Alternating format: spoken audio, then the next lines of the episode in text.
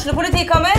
Ine Jansen er purk. Er du purk? The motherfucking bitch. Alt jeg vil, er å finne ut hva som skjedde med mannen min. Jon Carew. Er jeg sikta for noe? Iben Akeli. Det er du. Ole So, Lars Berrum og Big Daddy Karsten. Hvem sin side er du på, egentlig? Anette Hoff, Tone Danielsen, Kommer du fra Afrika? Jørnis Josef, Nesten. Kløfta. Trond Espen Seim, Det er synd å si det, men det var feil mann som døde. Purk. Premiere tirsdag på TV2 Play. Hvis du bryter en norm, eller hvis du gjør noe litt dumt, så er det veldig lett å bli kastet ut av en gjeng. Istedenfor at man snakker om ting og håndterer det på en ordentlig måte, så er det litt sånn rett ut. Da må man finne seg en ny gjeng. Og hvis man da ikke på en måte klarer det, eller ikke passer inn hos noen, så er det ikke sikkert man har noen gjeng å være russ i, da. Har du hørt ord som girl code, bro code, blikking? Og har du hørt hvor lett det er for ungdom å falle utenfor i miljøet sitt i dag? Mitt navn er Marie Olaussen, du hører på TV-podden, velkommen til oss i Tønsbergs Blad. I dag har vi fått besøk av Anna Bjerknes og Marie Agrup fra Nøtterøy videregående, som har laget en egen ungdomsbedrift sammen med to venninner, Snakk om UB, der de skal skrive en bok for å gjøre det enklere å være ungdom, og være enklere for oss voksne som kjenner en ungdom. Og hva er det ved ungdomstiden som, som gjør at den må snakkes om? Hvem er det som ikke skjønner hva? Det er jo eh, ofte foreldre, da. Og også de som er rett rundt hjørnet og skal bli ungdommer. Det Også er ungdommen selv, mener Ja, absolutt. Det er så mye uformelle normer som man ikke aner er der eller kommer til å komme. Det er liksom det ungdomssjokket både for ungdom, men også for foreldre. For det er noe helt nytt. Det er en helt ny fase i livet som jeg, jeg vil tro at det er en ganske krevende, en av de krev, mest krevende fasene. Hva bekymrer ungdom seg for når det gjelder russetid, Marie? Det er, vi har faktisk fått inn en historie allerede på akkurat det temaet. Og da var det en person som følte seg litt utenfor generelt sosialt, og ikke fant gjengen sin på ungdomsskolen. Og ville begynne på videregående da, for å finne den ordentlig bra gjengen der. Men som ikke fant den da heller, men som har skikkelig lyst til å være russ. Men som, det er ingen som spør om hun vil være russ, er, hun har ingen gjeng å være det med. Og da føler man kanskje veldig på det. Og da også avhengig av hvilken sosial status man har, så blir det kanskje litt fokus på skal man ha russebuss, skal man være vandreruss, hva skal man ha fokus på? Det er veldig mye å tenke på da, i løpet av hele den perioden. Så det holder ikke å bare være i en klasse for å bli russ? Nei. Det, det som jeg kanskje har snakket med mine foreldre om, er at de tenkte at uh, russetiden er veldig sånn dedikert til skolene. At man er liksom Nøtterhus, Tønsberghus. Men nå er det litt mer som Si grupper og busser er liksom spredt utover forskjellige skoler. For det er veldig mye press på det å være i en gjeng. I hvert fall når man begynner på videregående. Da er det sånn Hvis man er i en gjeng, så er man litt safa og litt, føler seg kanskje litt trygg. Men det er ganske vanskelig å komme seg inn i en ny gjeng liksom i starten av videregående. Ja. Det er mye som er danna før første skoledag, og det er litt skremmende. Ja. Men det er sånn det er. Og spesielt hvis man da havner utafor, for det er en veldig ukultur hos ungdommen. At hvis du bryter en norm, eller hvis du gjør noe litt dumt, så er det veldig lett å bli kastet ut av en gjeng. Istedenfor at man snakker om ting og håndterer det på en ordentlig måte, så er det litt sånn rett ut. Da må man finne seg en ny gjeng. Og hvis man da ikke på en måte klarer det, eller ikke passer inn hos noen, så er det ikke sikkert man har noe gjeng å være russ i, da. Og da kommer man jo, faller man jo litt utafor. Det er Mm. veldig enkelt å falle utafor. Mm, absolutt. Men eh, som voksen så tenker jeg jo sånn her, Ja, hvis du kan gjøre noe feil i kantina, eller gjøre noe Bryte en norm, da. Mm. Dere kan jo kanskje fortelle litt om hva slags norm det kan være, men så ville jeg tenkt sånn Ja, men er det ikke noen voksne på skolen som bare kan ordne opp? Og er det ikke egentlig det? Man skulle jo ønske det, men eh, vi har jo det fine sosiale medier, Jodel, Snapchat, alt mulig. Mm. Det er Det som kanskje er litt eh, Noe av det mer vanskelige med det, er at hvis du dummer deg ut, så blir du på en måte stempla for det. Mm. Hvis du har gjort en ting, så blir det Det er ikke bare en Det går ikke bort etter helgen, liksom. Du får høre det. Du blir kanskje den jenta som dumma seg ut den helgen, på en måte. Navnet ditt blir som det Altså, det former deg, da, det du, det du har gjort. Ja. Og det vil være der liksom nesten for alltid. Men hva slags ting er det som man kan gjøre som får så store konsekvenser? Nei, det kan være ganske mye forskjellig. Det kan være at man har eh, si det, gjort noe flaut på fest. Mm. Og så kan det være andre ting da, som ikke er alle som gjør, men som er litt seriøse. Det er hvis du f.eks. går på eksen til en venninne, eller bryter Mm. sånn typisk girl, Girl code. code. Girl code, Girl det må dere snakke mer om. Ja, det, det- lurer jeg på hva er. Nei, det er jo det at man skal ha Det er også bro code, er det det man kaller det? Ja. Ja, det er eh, det at man på en måte skal ha respekt for vennene sine. Og det å respektere det at eh, hvis du har vært på en gutt, så skal ikke venninna di gå på den gutten, fordi der har du vært, på en måte. Mm. Det, det blir jo veldig sånn at man eh, Ja, det handler generelt det å respektere hverandres grenser og Men det kan jo bli litt for mye Det blir ofte veldig for mye. Det er sånn Eller det blir veldig sånn at um, Hvordan skal man si det? Du må mislike eksene til venninna di. Og det er litt vanskelig, fordi det er jo bare personer. Mm. Det er mennesker man kanskje synes er ganske ålreite, da. Og så ender det opp med å være noen man føler press på at man må mislike, eller da blikke. Men det er jo best å ikke gjøre det, men det stilles jo krav. Ja, absolutt. Spesielt i venninnegjenger. Absolutt. Guttegjenger. Og det er mye krav på det at du skal ikke gå på venninna sin eks, du skal ikke gå på venninna sin familie, du skal ikke gå på Mm. noen venninna de har likt. Ja. Men så hender det jo at man får følelser for noen, kanskje gjør noe dumt. For kjærlighet gjør deg blind, liksom. Ja, for det er ikke så mye rom i denne generasjonen til å dumme seg ut. Nei. Det er noe man har merka. Det er eh, For vi er jo bare mennesker. Alle dummer seg ut. Alle gjør feil. Eh, men det er på en måte ikke helt plass til det, Mm. hvis det er mening. Ja, det gir mening. Mm.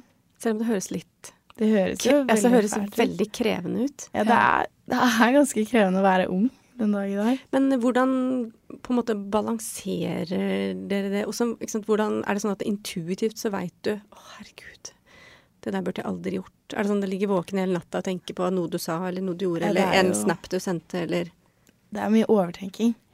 Eh, jeg tror egentlig de fleste jeg snakker med, de fleste jeg kjenner, om det er vennskap eller forhold og alt mulig, det er veldig mye overtenking. For det er veldig mye dømming.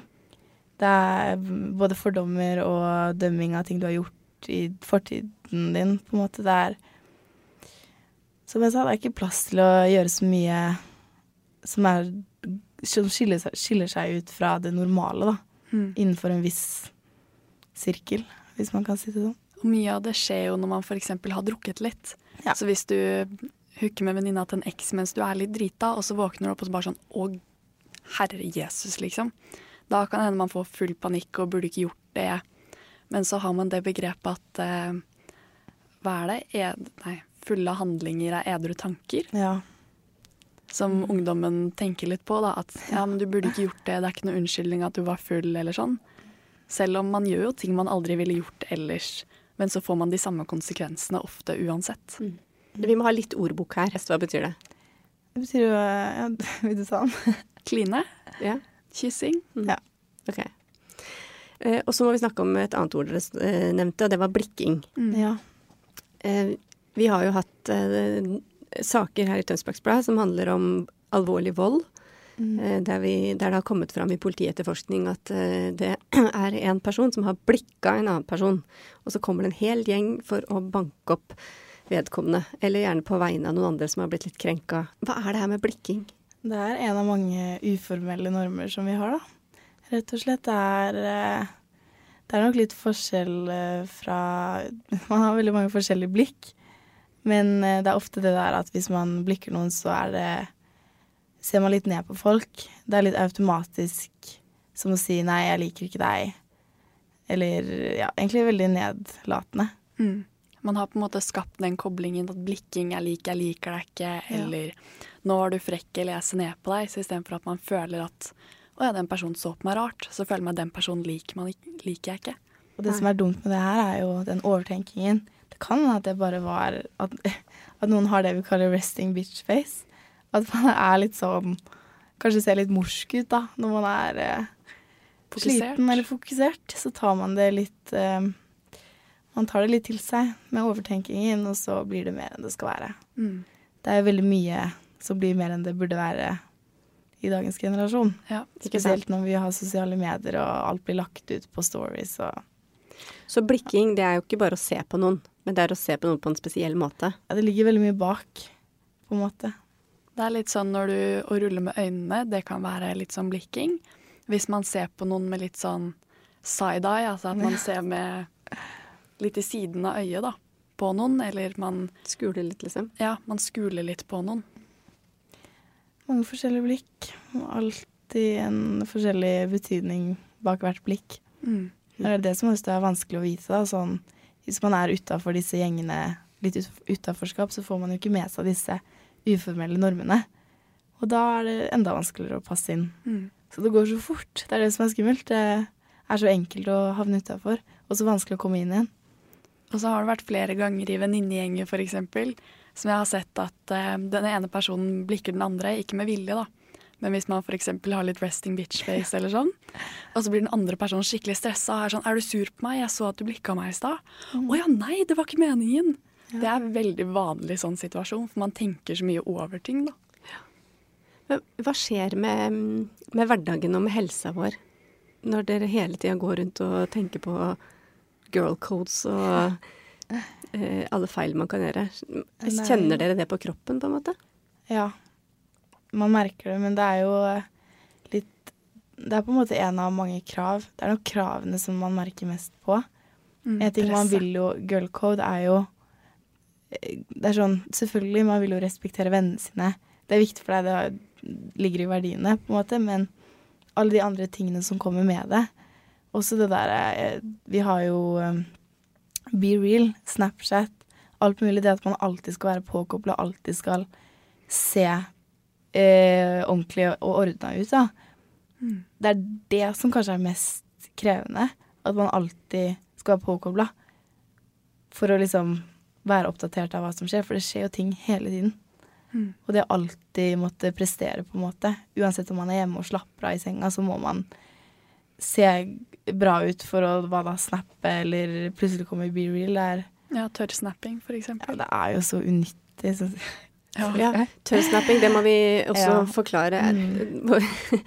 Jeg har sett det, men kan ikke dere bare få hvordan, ser, hvordan ser det ut? Det er jo at ja. uh, du får bilde av noen sitt ansikt på Snapchat, og så sender du bilde av ditt eget ansikt tilbake. Ja. Eller taket. Ja. Eller en stol. Eller noe For da har man care, som er et nytt uh, greie. Det er jo så mye sånne forskjellige ord. Care er jo det at uh, på Snapchat at man uh, Er litt fraværende, kanskje? Ja.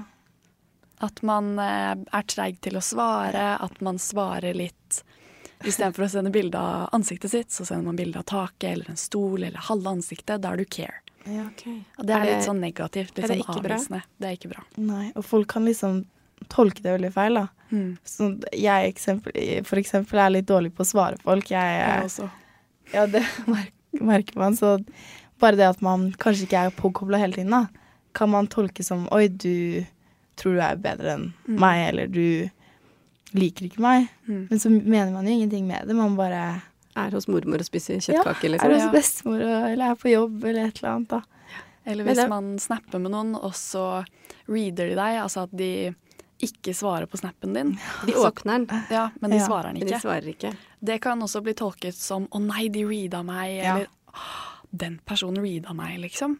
At man tolker det som en svær handling eller noe negativt. Mens kanskje den andre personen bare ikke hadde det behovet for å sende bilde av ansiktet sitt frem og tilbake lenger. Mm. Mm. Så enkelt er det, rett og slett. Det høres jo veldig merkelig ut når vi forklarer det sånn, men det er sånn det er. og så snapper man ofte med mange Det er mange som snapper med kanskje alt fra 10 til 100 stykker. Så ja, ja. man sender bilde av ansiktet sitt fram og tilbake uten noe egentlig større mening. Så er det litt sånn man spør ja, snapper du med han? Ja, jeg snapper med han. Å, heldig. Han var altså, kjekk. ja, Sånne ting. Men han snapper med 200 andre damer? Ja, det er det, da. Sender bilde av sofaen og, og så tenker man at man går, går glipp av noe hvis man ikke svarer. Men man gjør jo ikke det. Mm. Det er jo den baktanken, da. Men dette Snapchat-systemet da, som gjør at man snapper med veldig mange personer som man kanskje ikke kjenner heller, men som noen du ser at noen du kjenner, kanskje kjenner Får, får det noen bra konsekvenser i virkeligheten? Får dere et større nettverk? Kjenner dere flere folk fra andre steder rundt Nøtterøy, på en måte, eller? Man gjør jo det, men jeg vil tenke at det er ikke en like liksom genuin relasjon. Eh, spesielt når det kommer til eh, kjærlighet, forhold, kjærester. Det er jo mye sånn jeg vet i hvert fall at mange av venninnene mine savner litt den derre gamle romantikken, da, den mer sjarmerende, jordnære. Det er veldig sånn at man skal Eller enten Jeg føler at det er to måter man kan skaffe seg et forhold i denne generasjonen. Enten er det på fest, at man møter en, flørter med noen, og så skjer det derifra. Eller så snapper man, og så møtes man og utvikler det derfra. Da. Det er ikke sånn eh, forelskelse ved første blikk at noen inviterer deg ut på date eller går opp til deg og sier 'oi, så pen du er'. Det er mer sånn 'å, hun var digg på Insta', eller eh, at det skjer med promille, liksom. Ja. Det er så lite det er så lite jordnært. Og så litt romantikk i forhold til kanskje det man ser på film, eller som man ja, ja. hører foreldre fortelle om, eller sånne type historier, da. Alle jenter drømmer seg jo, eller nå skal jeg ikke si alle, men mange drømmer seg bort i en sånn eh, romantiker, og at det skal være veldig sånn Bare generelt det å bli At noen bare går opp til deg og forteller deg at du er bra. Bra Mm. nok. For det skjer jo ikke. Eller og med promille kanskje, men eh, at noen gjør det bare på gata, det, det er ikke Det blir ansett som litt rart. Merkelig. Skummelt. Ja. da kommer man over på det med hookup-kulturen. At Ja. først når du møter noen, så er det forventninger om at man skal ha sex veldig tidlig, og at det på en måte Det er veldig mye fokus på det fysiske, da. Ikke det å date eller sånn, men at man møtes en gang eller to, og Ja. så møtes man hjemme hos noen. Litt mer sånn da enn en klassisk dating man kanskje var kjent med i gamlere tider. Ja, og litt mer på det der forholdet og hookup-kultur og en greie, eller hva man enn er. Det er jo veldig mye krav, og det er en ting vi har Jentene har brukt litt, det er det derre at man forventer ofte erfaren uerfaren.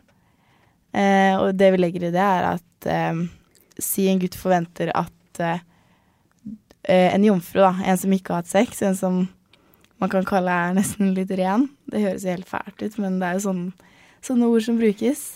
En jente som ikke er brukt av eller har hatt seg med mange, men samtidig så skal hun vite hva hun gjør. Hun skal, hun skal ikke være usikker på seg selv. Så hun skal vite hva hun gjør, men hun skal ikke ha gjort det før.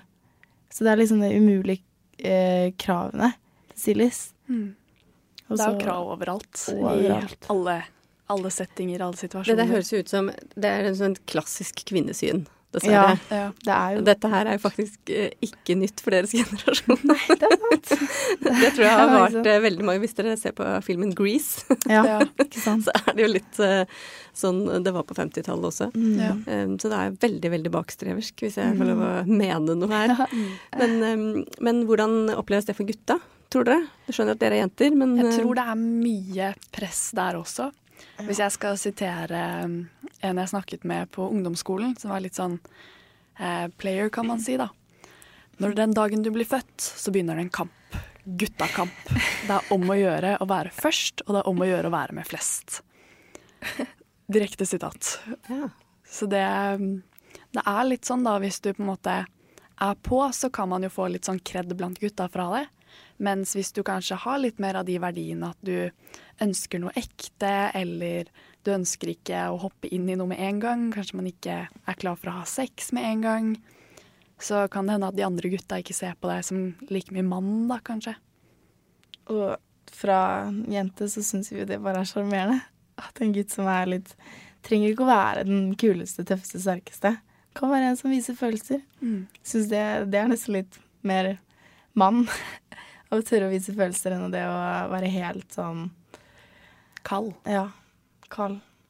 Altså sånn klassisk maskulin, som man ofte tenker på det på, da. Som ofte blir kalt i vår generasjon toxic masculinity. Ja. ja. Hva ligger i det? Det er når man på en måte har de maskuline verdiene, men man tar det til noe negativt. At man er kald, man viser ikke følelser, man er kanskje litt dominerende. Kanskje man ikke respekterer kvinnfolket, kanskje man holder følelsene litt sånn for seg selv, tør ikke å snakke om de. Litt sånne type ting. Mm. Men det dere um, har kunnskap om, da, bare, um, bare fordi dere er unge, mm. og fordi dere opplever det, det her er jo veldig nyttig kunnskap um, som dere nå har skjønt at dere må fortelle videre. Ja. Så det å Og nå er dere på jakt etter historier. Mm. Der, hvem, er det som, hvem er det dere vil skal fortelle og hva vil dere eh, at de skal fortelle dere? Vi har jo lagd en sånn Forms-undersøkelse som man kan trykke på i Instagrammen vår på Snakk om UB. Og der kan man dele hvis man er ungdom, da, hvis man er mellom aldersgruppen alt fra 13 til 19, men også under eller over, avhengig av hva vi får inn, da. Hvor man kan dele en historie, så har vi lagt inn de temaene som vi fikk vite fra vår brukerundersøkelse at folk var mest interessert i å vite mer om. Som er ting som vennskap, FOMO, altså fear of missing out. Når man sitter hjemme og alle andre er et sted og du skulle ønske du var med. Eller russetiden, sex første gang, overgrep og voldtekt, psykiske lidelser, skole og press. Litt sånne type kategorier, da. Relasjoner også. Litt mm. det derre narsissisme, for eksempel, da. Det er veldig mye mye toksikhet og ja skal jeg ikke si for mye diagnoseringer, men eh, narsissisme, rett og slett, det er mye av det der ute som ikke blir snakket, eh, snakket om. Så vi vil jo snakke om det, rett og slett. Mm. Jeg hørte av en venn som eh, holder på å lære seg om narsissisme og lese bøker på det, at det er 10-20% tror jeg, av den vestlige verden som mm. viser trekk ja. som samsvarer med narsissisme. Mm. Og det er mye mer enn det man tenker over. Så ja. det er ikke sånn at man legger merke til det da, når man kanskje er i en narsissistisk relasjon eller opplever noe sånt. Så når man ikke har noe kunnskap om det, så vet man ikke hva man skal gjøre. Man klarer ikke å kjenne det igjen, vet ikke hvordan man skal beskytte seg selv og sånn.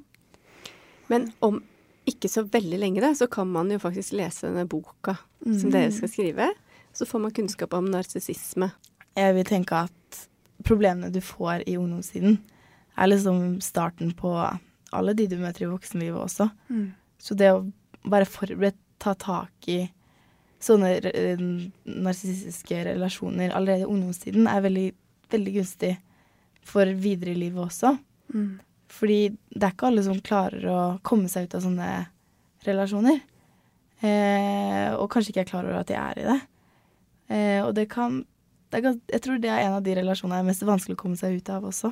Mm. Og det er også det som er så fint med den boka vi skal lage, er at mm. da har du jo muligheten til å kjenne igjen de situasjonene og kanskje forberede deg på de og komme deg ut av de da, på en måte du kanskje ikke hadde hatt muligheten til hvis du ikke visste om de eller hadde noe ressurs. Men mm. dere skal ikke gjøre det aleine, dere skal også søke kompetanse hos uh, fagfolk? Så vi, har, uh, vi er i kontakt med BUPA i Tønsberg for å høre om noen av psykologene der eller fagfolkene der har lyst til å gi innspill i boka. Og så har vi også snakket med en annen psykolog som også er interessert i å hjelpe oss. da. Så vi tenkte at de kunne gi innspill etter hver historie eller til hvert kapittel. Hva skjer, og hva kan man gjøre? På den måten så kan vi faktisk gjøre en ordentlig forskjell. da.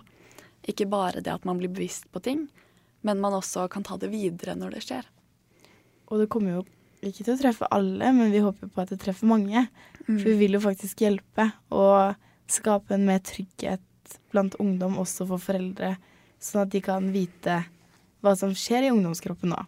For det er ganske mye som skjer, og det er veldig vanskelig å fortelle til foreldrene sine. Og det er mye man føler skam på at det er tabelagt, men så er det jo kanskje ikke så ille som man skal tro. Ja. Eh, og noen ganger så er det jo at man faktisk forteller til foreldre men de forstår ikke. Og da blir det sånn Man sitter igjen med den frustrasjonen eh, og kanskje skam og alt mulig, og da er det jo der vi vil komme inn og hjelpe. Mm. Liksom fikse den kommunikasjonen, da. Mm. En ting er hvis den allerede er at de prøver å kommunisere, men ikke får det til. Men også det å få folk til å tørre å si ifra, eller generelt bare gi julegave, boken i julegave og les det her. Les kapittel fem, side 100. Ja. Der står det. For da akkurat det Anna sier nå, hvis du er usikker på hvordan du skal formulere et eller annet, du tør ikke si det til foreldrene dine, så kan du jo gi dem boka. Si at det er det kapittelet her, det er det som står der, det er det jeg kjenner på nå. Eller noe vi også har snakket om, er å gjøre det til en lydbok. Mm. Sånn at når man sitter i bilen, så kan man høre på den. For det er ofte da ungdom og foreldre har de beste samtalene. Fordi det er, det er ikke noe øyekontakt, og mm. man kan ikke stikke av. det er sant. Ja. Så da kan man ha det som en samtalestarter, og så på en måte forbedre den kommunikasjonen. Ufal, ufarliggjøre den vanskelige samtalen, da, om du vil. Akkurat det. Veldig bra. Og det her er jo rett og slett en business. Mm. Altså for dere går på businessstudiet. Hva heter det? Entreprenørlinja? Ja. Ikke sant? Og det betyr at dette her er en ungdomsbedrift. Mm. Det er en slags, et slags AS, Ja. men det heter UB. Mm. Um, Det er det UB betyr, for alle som har lurt på det. ja, for alle som har lurt på det. Snakk om UB, snakk Ja. om ungdomsbedrift. Men dere er ikke aleine. Dere er fire jenter. Mm. Dere kan godt name-droppe de andre jentene også. Etternavn og alt sånt. Ja. Ja, Det er Hele pakka. eh, Mathilde Feiling, Hanna Bakke Bøhmer, og så er det Maria Agrup og jeg som er Anna Bjørknes. Og en ungdomsbedrift. Det er jo det er et fag, så det er masse dere skal lære. Men Mm. dere har sikkert eh, delt ut roller. Hvem, eh, hvilke egenskaper eh, har hver av dere? Hvilke funksjoner har dere? Fortell litt om selve bedriftsideen også. Ja, vi hadde jo på starten av året, før vi idémyldra alt sånn, skulle vi finne ut liksom Ta en personlighetstest. Veldig spennende å finne ut hva slags person er egentlig jeg. Og da fant vi ut liksom OK, noen her er sånn eh, analytikere.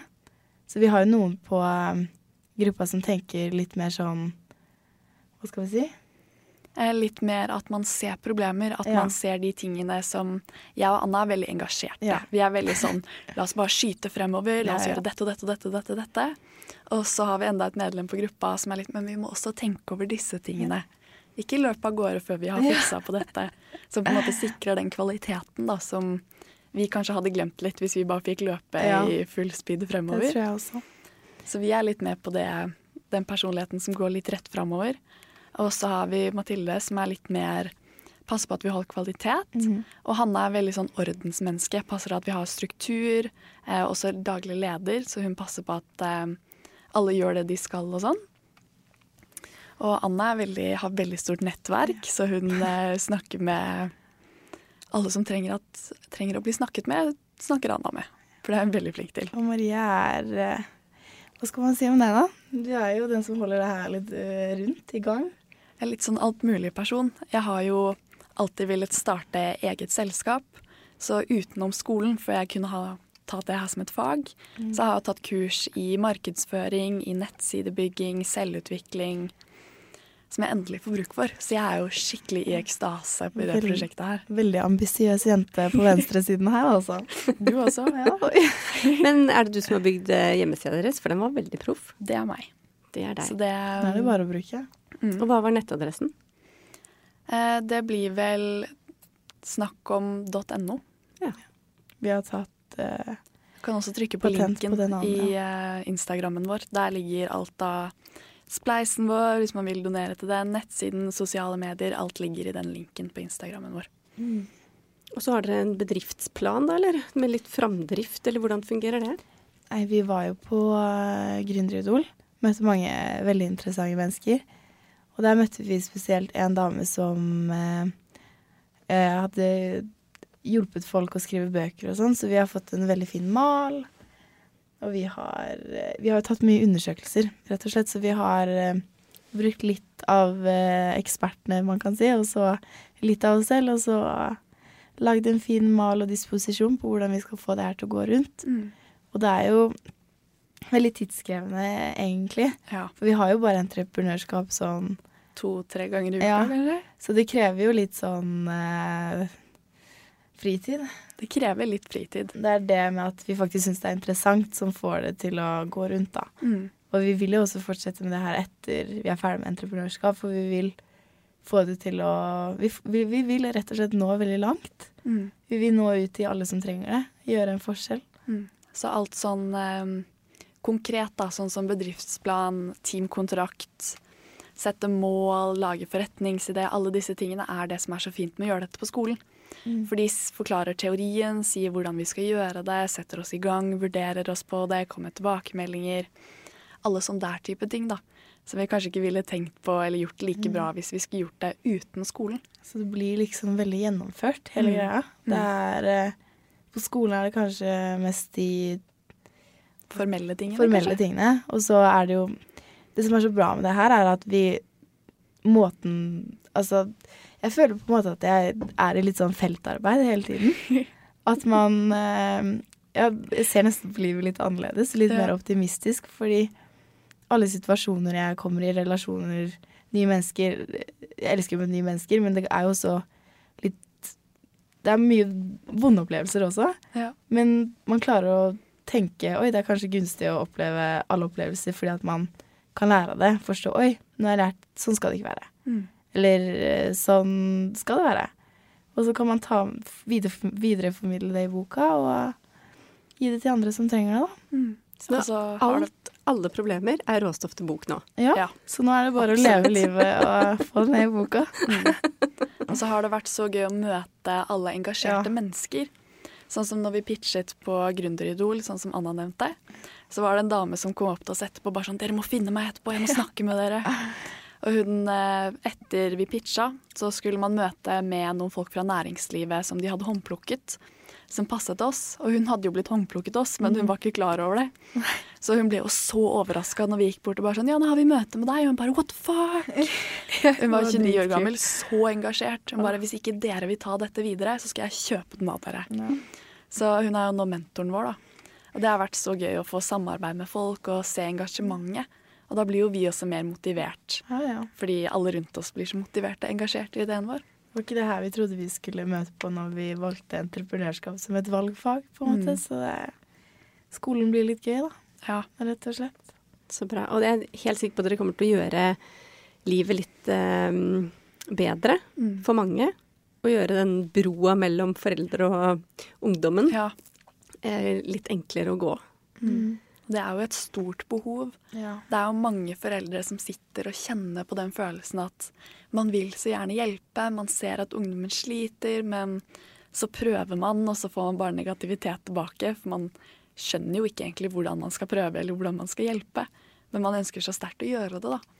Så vi har lyst til å gi litt den bruksanvisningen, sånn at du kan faktisk nå inn da, og faktisk skjønne hva som skjer, uten å hele tiden måtte mase på at ungdommen skal forklare det til deg selv. Mm, og så som i stad, så var det Det er mye enklere for oss å få vite hva som skjer i kjernen, fordi vi lever jo på en måte i den kjernen. Som, og hvis si noen voksne skulle skrive denne boken, da. De får ikke alle de detaljene og all den infoen. Det er ikke sikkert de får noe i det hele tatt. Men vi er oppdatert hele tiden. Vi lever i det. Vi skriver det akkurat som det er. Og det er det som er litt unikt med denne boka. da, At vi snakker om tabelagte temaer og går i detaljer. Vi legger ikke skjul på noe. Mm. Eh, og det er det som kanskje gjør det så ekte. Å få folk til å kjenne seg igjen. Mm. Og spesielt hjelpe folk. Hjelpe med forståelse til foreldre og folk som er på vei mot et nytt kapittel i livet og ungdomstiden. Så det Nei, jeg tror det blir, tror det blir bra. Ja. Lykke til eh, med bokskriving, og ikke minst med å hente inn alle de viktige kildene som vi gjerne vil høre mer om. Så jeg ønsker dere velkommen tilbake når dere har kommet litt Tusen lenger i bokarbeidet. Tusen takk. Og hvis eh, du som lytter kjenner noen ungdommer, så er det bare å sende dem til Instagrammen vår. Vi tar gjerne en historie derfra. Og der er det altså søk opp Snakk om. Snakk om UB på Instagram. Snakk om UB på Instagram. Der kan du være anonym. Og Eller hvis du ikke vil være det. Det er en fin, fin oppfordring og en fin avslutning på det her, den samtalen her. sånn. Ja. Anna og Marie, tusen takk for at dere kom hit til uh, Tønsbergs Blad. Tusen takk for at vi kunne være med. Takk til deg som har hørt på denne episoden. Mitt navn er Marie Olaussen, og vår ansvarlige redaktør er Sigmund Kydland. Vi høres igjen i neste uke. Har du et enkeltpersonforetak eller en liten bedrift? Da er du sikkert lei av å høre meg snakke om hvor enkelt det er med kvitteringer og bilag i fiken, så vi eh, gir oss her, vi. Fordi vi liker enkelt. Fiken superenkelt regnskap.